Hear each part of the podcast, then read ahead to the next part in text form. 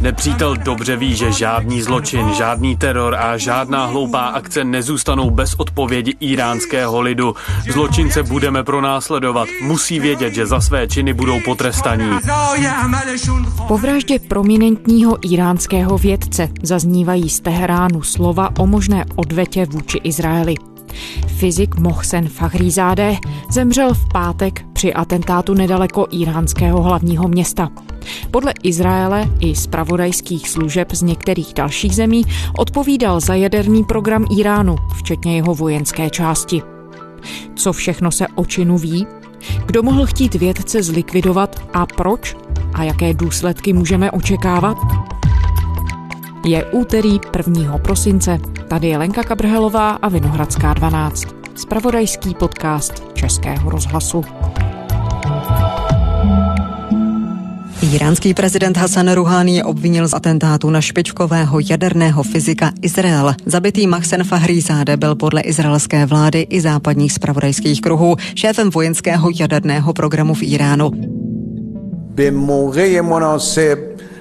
مسئولین مربوطه پاسخ این جنایت رو خواهند داد. Iránské vedení od počátku podezírá z útoku rozvědku židovského státu. Izrael ale spojitost s pátečním atentátem nepotvrdil. Evropská ministr... unie, Turecko a další země atentát odsoudili. Například izraelský ministr energetiky Yuval Steinitz ale uvedl, že smrt Fahrizádého je pro celý svět dobrou zprávou. Nejvyšší iránský vůdce Ayatollah Ali Khamenei slíbil strujcům útoku tvrdou odplatu.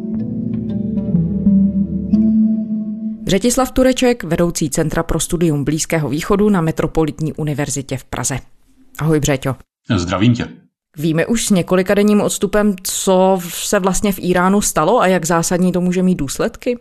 Ty detailní informace se různě mění a posouvají. Nejprve se mluvilo o tom, že explodoval vůz u vědce fyzika Fachrizádého, nějaké nastražené auto s bombou, potom, že na něj útočila skupina střelců, která z části asi uprchla nebo byla i zabita možná, protože se setkala s jeho ochrankou.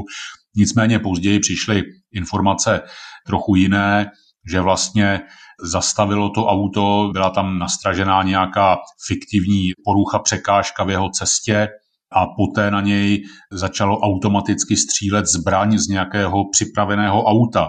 A teprve poté auto s tou zbraní, která ho kriticky zranila, on zemřel potom v nemocnici, tak potom toto auto mělo explodovat, aby se zničily nějaké klíčové stopy po těch útočnících.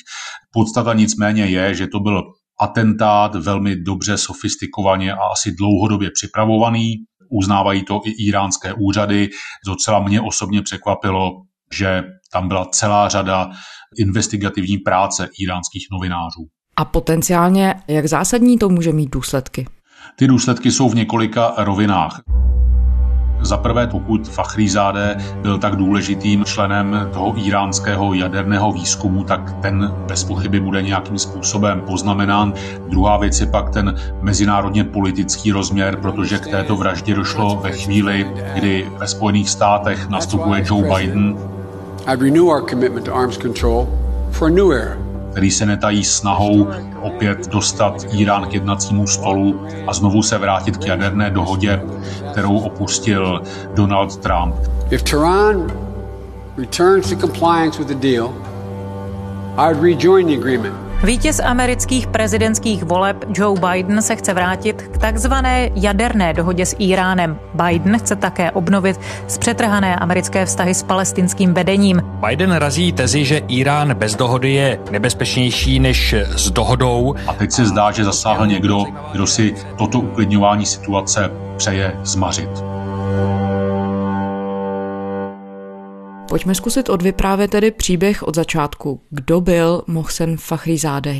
Jakou roli hrál v iránském jaderném programu? Mohsen Fakhrizadeh byl delší dobu spojován se dvěmi institucemi. Především se připomíná, že minimálně v minulosti byl členem iránských revolučních gard, tedy toho, řekněme, ozbrojeného bezpečnostního aparátu země. A druhá věc je jeho vědecká erudice a vědecká dráha, kdy on byl fyzikem na jedné z iránských, teheránských univerzit, kde dosáhl poměrně vysokých prestižních postů a právě v této roli byl zapojen do iránského jaderného programu a to už někdy před 20 i více lety. Jeho jméno je tudíž spojováno s předpokládaným iránským zbrojním jaderným programem, který ovšem i podle amerických tajných služeb Teherán opustil někdy v roce 2003. Připomenu, že to byl rok, kdy američané násilně svrhli Saddama Husajna v sousedním Iráku a byl to rok, kdy i třeba libijský vůdce Muammar Gaddafi de facto dobrovolně, ale pod vidinou, že by mohl být také svržen, také opustil program zbraní hromadného ničení. A v téže době Iránci nabízeli Američanům, jak víme, určitou formu dialogu, to znamená nějaký výměný obchod. Ozvěny dne. Ministři zahraničí stálých členů Rady bezpečnosti a Německa nedospěli na schůzce v New Yorku k dohodě o dalším společném postupu vůči Iránu a jeho jadernému programu. Nepřispěli k tomu ani diplomatické manévry, ke kterým se Teherán odhodlal na poslední chvíli. Nicméně tehdy za George Bushe tato dohoda byla ve Washingtonu smetena ze stolu. Spojené státy reagovaly odměřeně na dopis iránského prezidenta Mahmuda Ahmadinežáda americkému prezidentovi George Bushovi. V něm iránský představitel údajně navrhoval nová řešení mezinárodních problémů a křehké situace, která ve světě v současnosti panuje. Washington prohlásil, že dopis nepřináší zmírnění obav z bezpečnostního rizika, které Irán pro svět představuje. Nicméně zdá se, a američané to později potvrdili, že v té době měl Irán koketování s jaderným zbrojním programem opustit. Ale Fachrízáde v něm měl hrát bez pochyby určitou roli a třeba Izrael, jak víme, pracuje s tezí, že ten iránský zbrojní jaderný program jede dál a tudíž Fachrízáde byl dál na mužce. A dá se tedy říct, že ta role akademika jeho se propletla s rolí státního představitele, když tedy i samotné iránské úřady uvádějí, že vedl jeden z odborů ministerstva obrany. Bez pochyby ano, dá se to takto říci. On měl odbornou pozici a tato odborná pozice evidentně sloužila i státnímu, i bezpečnostnímu aparátu. A stál tedy současný jaderný program Iránu na jedné osobě, jak si to zmiňoval v úvodu, že tahle věc může mít dohru, co se týče akce schopnosti samotné té iránské struktury, tak dá se říct, že smrt Fachrizádeho může být vážným ochromením pro iránský jaderný program, ať už tedy mírový, anebo případně vojenský. Je to samozřejmě vysoce pravděpodobné. Už třeba to, že byl neustále doprovázen ochrankou, ukazuje, že měl pro ten stát značný význam. Já třeba připomenu, že v roce 2018 to byl známý projev izraelského premiéra Benjamina Netanyahua. Good evening. Tonight we're going to show you something that the world has never seen before kdy se izraelské špionáři podařilo získat nějaké archiválie o iránském jaderném programu, a to přímo z Teheránu. We're Iran's secret nuclear files. Cílem iránského jaderného programu bylo podle Izraele získat atomovou bombu. Podle premiéra Benjamina Netanyahua Teherán o svém jaderném programu lhal i po uzavření dohody o jeho zmrazení před třemi roky. Well, tonight I'm here to tell you one thing. Iran lied. Big time. Tak tehdy Netanyahu řekl. This is how Dr. Mohsen Fakhrizadeh Head of Project Ahmad put it. Remember that name, Fakhrizadeh. Mohsen Fakhrizadeh, pamatujte si to jméno. Před časem vyšla také kniha izraelského investigativního novináře Ronena Bergmana, která byla přeložena i do češtiny, myslím se jmenuje Zabij jako první, která je právě o těchto vraždách, cílených atentátech, které prováděly izraelské tajné služby i tam je Mohsen Fakhrizadeh zmiňován jako člověk, který měl dostat ochranku po té, co Izraelci zavraždili pomocí svých pomocníků některé jiné iránské vědce zhruba před 10-15 lety. Takže evidentně ta jeho role do značné míry pořád byla velmi důležitá.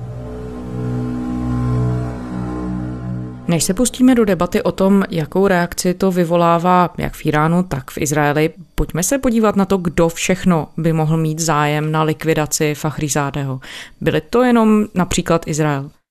To bez pochyby ne, mohly to být i Spojené státy, ale znovu vracím se k tomu, že když Izraelci asi používali iránskou opozici k tomu, zabíjeli vědce a univerzitní profesory před jednou dekádou, tak třeba se objevuje informace, že američané tehdy se na tom nechtěli podílet. Takže možná měli stejný cíl, ale nechtěli se na tom podílet. Ale tady je důležité si uvědomit, že tehdy byl u moci Barack Obama a jeho administrativa, která naopak stála o uklidnění vztahů s Iránem. Just because Iranian hardliners chant death to America does not mean that that's what all Iranians believe. Podle amerického prezidenta Baracka Obamy je dohoda s Iránem nejlepším řešením vleklého sporu, které snižuje riziko další války na Blízkém východě.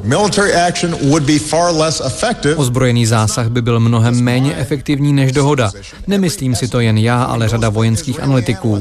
Ti, kdo souhlasí s válkou, tvrdí, že útok na jaderná zařízení Iránu je rychlé a jednoduché řešení. Válka je snadnou cestou, ale přinese jen utrpení a nechtěné následky. Dnes za Donalda Trumpa vidíme, že naopak se spekuluje, že on, než odjede z Bílého domu, tak může chtít bouchnout do stolu, obrazně řečeno, i směrem třeba k Iráncům. Dokonce se objevily informace, že se v Bílém domě probírala možnost nějakého vojenského úderu na iránská jaderná zařízení. Pak tady máme Saudskou Arábii, která má bez pochyby podobné cíle a určitě jí nebude vadit smrt nějakého iránského vědce nebo jakéhokoliv jiného činitele. Tam ale zase je nutné říci, že Saudové asi nejsou zemí, která by oplývala zkušenostmi tohoto typu, tedy tiše někoho eliminovat. Vzpomeňme si, před dvěma lety Saudové zavraždili a rozpustili v kyselině opozičního novináře Jamala Khashoggiho na svém konzulátu v Istanbulu a byl z toho obrovský mezinárodní skandál. Takže tento typ práce asi Saudům také nesedí.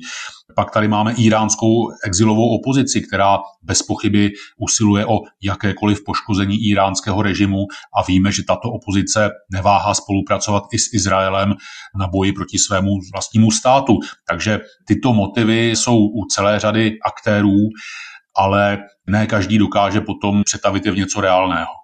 No většina iránských představitelů ten útok připsala Izraeli. Existují proto nějaké důkazy a jaký zájem by tedy Izrael mohl mít na likvidaci Fachrizádého právě teď v tuhle chvíli? Já už jsem to zmínil na začátku. Teď je takové přelomové období, kdy ještě u moci formálně Donald Trump, to znamená, pokud to spáchal Izrael, tak mu to v Bílém domě projde. Pokud by se to mělo stát, řekněme v únoru, kdy už tam bude Joe Biden, tak by to mohlo vést k poškození vztahů mezi Washingtonem a Izraelem, což si ani Netanyahu nepřeje. Byť je jasné, že si přál, aby Donald Trump se udržel v Bílém domě. To je k tomu načasování. Teď je vlastně k tomu poslední vhodné okénko. A jinak v minulosti byla celá řada útoků. V Teheránu ráno při pumovém atentátu zahynul iránský jaderný vědec. Oznámila to iránská televize. Profesor Masud Ali Mohammadi se podle ní stal obětí teroristického útoku, za kterým stojí zahraniční síly. Některé iránské zdroje ukazují konkrétně na Izrael. Ali Mohammadi není první jaderný vědec, který v Iránu v poslední době zahynul. Před třemi lety přišel v Isfahánu o život špičkový expert Ardeshir Hoseinpur. Vláda jeho smrt oznámila s týdenní prodlevou a s vysvětlením, že zem zemřel kvůli unikajícímu plynu. V americkém tisku se ale objevily náznaky, že ho mohla zavraždit izraelská tajná služba Mossad. Jeruzalemská vláda opakovaně dala najevo, že nedovolí, aby Teherán získal jadernou zbraň.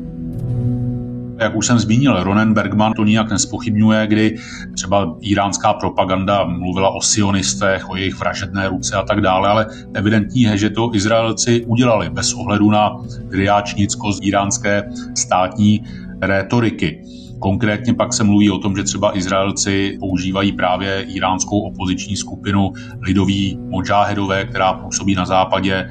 I západ jí léta měl na seznamu teroristických skupin a to jsou právě Iránci, kteří dobře znají místní poměry, mohou splynout s davem a pak mohou dělat ty věci, jaké se děly v minulosti. Nalepování magnetických bomb na dveře aut těch jaderných vědců a tak dále.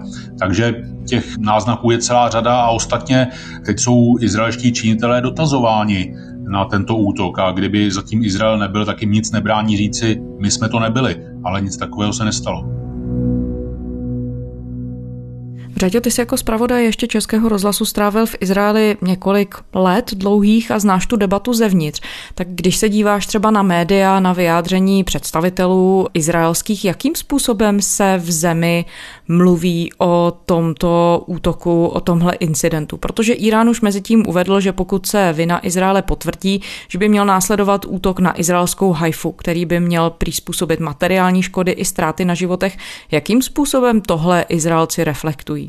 To, co zmiňuješ, to byl komentář v jednom takovém ultraextremistickém iránském deníku, ale jinak Iránci jsou, jak vidíme, velice pragmatičtí, objevují se naopak třeba úvahy, převčírem jí zmínil Amos Jadlin, bývalý šéf izraelské vojenské tajné služby, On říká, že pokud Iránci zpětně zaútočí nějaké odvetě, tak si to třeba nechají těsně před výměnou v Bílém domě, aby už Donald Trump nestačil na to nějak zareagovat aby už byl novým prezidentem Joe Biden, který nemá zájem na vyhrocování situace, na rozdíl třeba od Trumpa nebo Izraelců.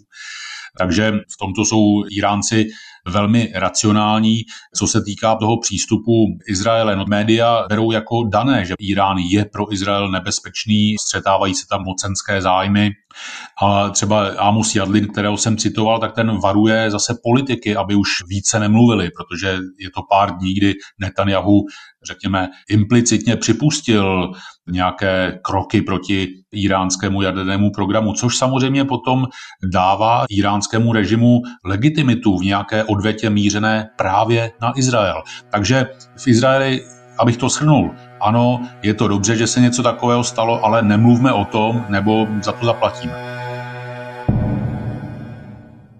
No my jsme tady ve Vinohradské 12 spolu před necelým rokem mluvili o smrti iránského generálmajora Kasema Soleimányho, kterého zabili v lednu při návštěvě tedy ale sousedního Iráku, nestalo se to v Iránu, americké rakety. A tehdy jsme se bavili před o logice za takovou strategií a o riziku nějaké možné další eskalace násilí.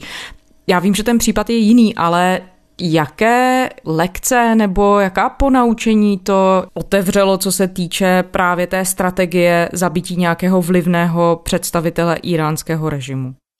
No, já připomenu, že generála Sulejmáního zavraždili američané a otevřeně se k tomu přiznali, což samozřejmě je pro Iránce trošku jiný cíl. A oni tím, jak uvažují dlouhodobě, tak oni čekali, to se říkalo v mnoha souvislostech dlouhodobě, že Irán čeká, až skončí éra Donalda Trumpa, že s tím dalším nejlépe demokratem se dohodnou lépe. A možná s tímto oni také kalkulují. A jinak jistě, atentáty tohoto typu mají celou řadu aspektů. Především Spojené státy a Irán nejsou ve válce, takže v tomto ohledu prostě to byl atentát. Někdo by řekl teroristický útok, někdo zase namítne poměrně oprávněně, ale to byl generál ve službě. Útok na vojáka není teroristický čin. Teď se třeba bavíme zase o vraždě civilního vědce a není to první univerzitní profesor, který byl zavražděn tímto způsobem. Myslím si, že kdyby takto někdo zabil izraelského vědce na ulici, že ho rozstřílí, tak bychom říkali, že je to teroristický útok. Tak proč to neříkat, když takto asi Izraelci zabili iránského vědce? A tyto debaty potom mají širokou škálu argumentace. Ano, třeba z dlouhodobého strategického hlediska je dobře, že Záde byl zabit, byl eliminován, zbrzdilo to iránský jaderný program. Na druhou stranu tam vyvstávají etické otázky, já třeba připomenu, ten Ronen Bergman, ten izraelský investigativní novinář, připomíná, že když se tato kampaň těchto atentátů ve vedení Mossadu, izraelské tajné služby, probíral, tak jedna údajně z vysokých důstojnic Mossadu řekla, ale podívejte se, můj otec je také tady prominentní profesor a neříkejte mi, že to z něj dělá legitimní cíl. To znamená, otvírá se nám otázka nejen legality, ale i třeba vlastně etičnosti nebo legitimity takovýchto útoků. A když mluvíme o strategii, a teď já se zase vrátím do Iránu, tak tam ještě jedna věc, která už ale zazněla dokonce snad i podle těch zpráv, které přicházejí na půdě parlamentu. A sice výzva k vypovězení spolupráce s Mezinárodní agenturou pro atomovou energii. Jak zásadní moment by to byl? Co by to znamenalo? Já připomenu jednu věc. Když američané Donald Trump v roce 2018 odstoupil od té dohody, to znamená mezinárodní společenství, zejména Spojené státy, vlastně přestali naplňovat svoji část, tak Irán postupně také začal od té dohody odstupovat a teď už má několikanásobně větší množství nízce obohaceného uranu, než mu ta dohoda umožňovala. Spojené státy odstoupí od jaderné dohody s Iránem a uvalí na něj co nejpřísnější sankce. Oznámil to americký prezident Donald Trump. Nemůžeme zabránit Iránu ve výrobě jaderné bomby se současnou dohodou. Je skažená a vadná v úplném jádru a proto oznamuji, že Spojené státy od nefunkční jaderné dohody odstoupí. Prostě Iránci řekli, vy neplníte, tak my také nebudeme plnit. Irán přestal plnit některé závazky plynoucí z mezinárodní jaderné dohody z roku 2015. Agentuře ISNA to řekl představitel iránské agentury pro atomovou energii.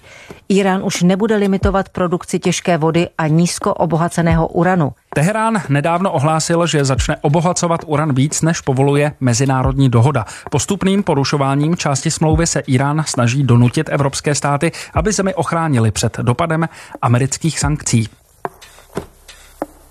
Nicméně, pořád ještě všechno toto, o čem se bavíme, toto iránské porušování té rozpadlé dohody, probíhá pod dozorem právě mezinárodní agentury. Tam všude jsou kamery, tam mohou jezdit mezinárodní inspektoři a tak dále. To znamená, Iránci velmi dobře dbají na své závazky. Toto jsou jejich závazky, umožňovat přístup inspektorům.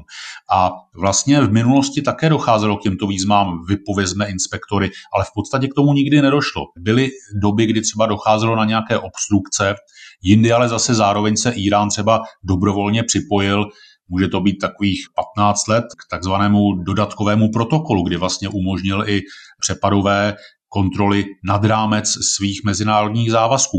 To znamená, to, na co se ptáš, tedy vypovězení dohody a vypovězení inspektorů, to je podle mě jenom argumentace. Iránci o to nestojí, tak toto určitě nebudou chtít vyhrotit, ale je to argumentační páka. Podívejte se, kam až bychom to mohli vést. A tady možná ještě je nutné připomenout jednu věc. Už za půl roku budou v Iránu prezidentské volby. Dosavadní, řekněme, umírněný prezident Hassan Rouhani, který hodně stál o tu mezinárodní dohodu, už nemůže kandidovat. A teď se otvírá široká škála možností, kdo přijde na jeho místo. A mohou to být jak lidé, kteří budou usilovat o spolupráci s mezinárodním společenstvím, tak i ti, kteří vlastně paradoxně budou mít stejný cíl, jako měl dosud Donald Trump nebo jaké má izraelské vedení. To znamená dohodu zhatit a začít jakési přetahování, jakousi páku, kdo má navrh, kdo koho dotlačí víc do kouta.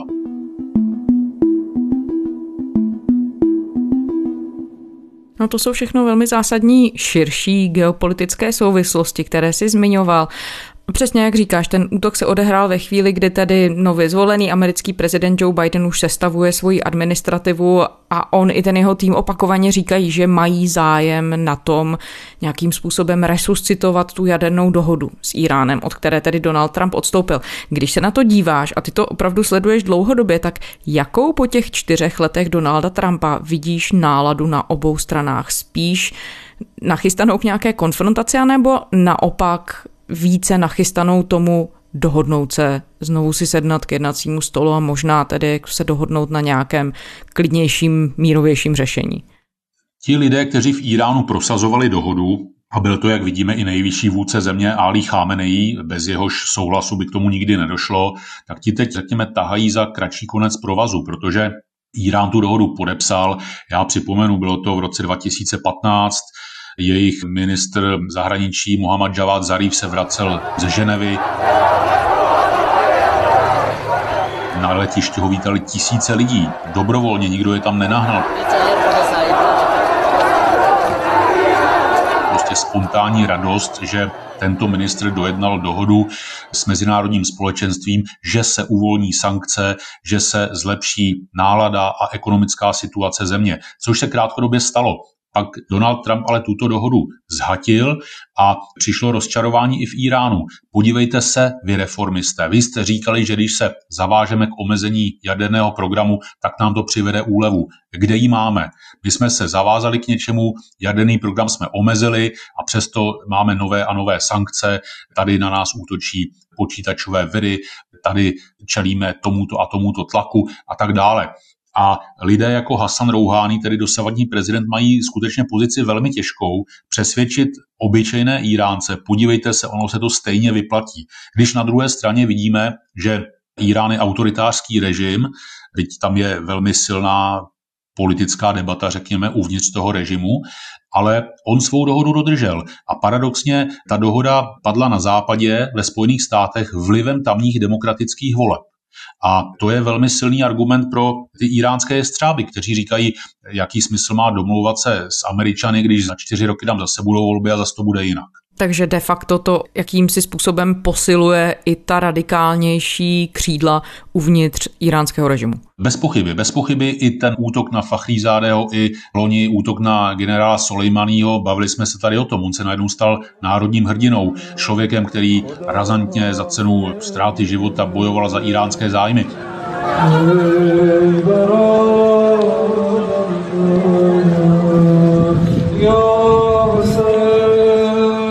Když jsem viděl fotografie z pohřbu toho vědce fyzika Fachrízádeho, tak i tam třeba byl vzadu transparent Já Hossein, což je odkaz na středověkého šítského mučedníka, takže ono to dostává potom i ten náboženský nádech. Máme dalšího mučedníka, který neváhá položit život za naší víru. Jednou je to generál, jednou je to jaderný fyzik. A dá se říct tedy, do jaké míry může ta situace teď po zabití Fachrízádeho zkomplikovat jakýkoliv start jednání nebo jenom třeba snahu o změnu té nálady?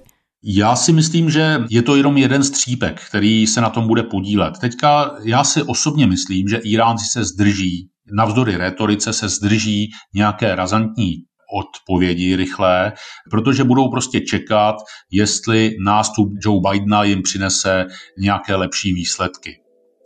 Nemají důvod Joe Bidenovi mydlit schody tím, že zautočí na nějaké izraelské nebo americké cíle v regionu, protože Joe Biden tak těžko mohl s Iránci jednat, jak zatím slibuje, že jednat chce.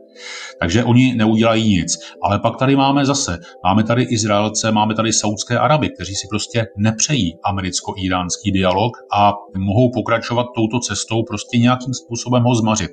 Z pohledu Izraele je to logické. Už ta dohoda v roce 2015 se Izraelcům vůbec nelíbila a dělali vše pro její zmaření. Přesto si ji Barack Obama prosadil. Teď se uzavírá čtyřleté nadějné okno Donalda Trumpa, který schodil rovnou ze stolu a Izraelci se obávají z jejich pohledu logicky, že Joe Biden se vrátí k té Obamově politice, takže vražda Fachrízádého nemusí být poslední akcí tohoto typu. Břetislav Tureček, vedoucí Centra pro studium Blízkého východu na Metropolitní univerzitě v Praze. Děkujeme. Naslyšenou. A to je z úterní Vinohradské 12 vše. Kdykoliv si nás můžete poslechnout na spravodajském serveru iRozhlas.cz a také ve všech podcastových aplikacích. Pište nám, naše adresa je vinohradská12 zavináč rozhlas.cz To byla Lenka Kabrhelová. Těšíme se zítra.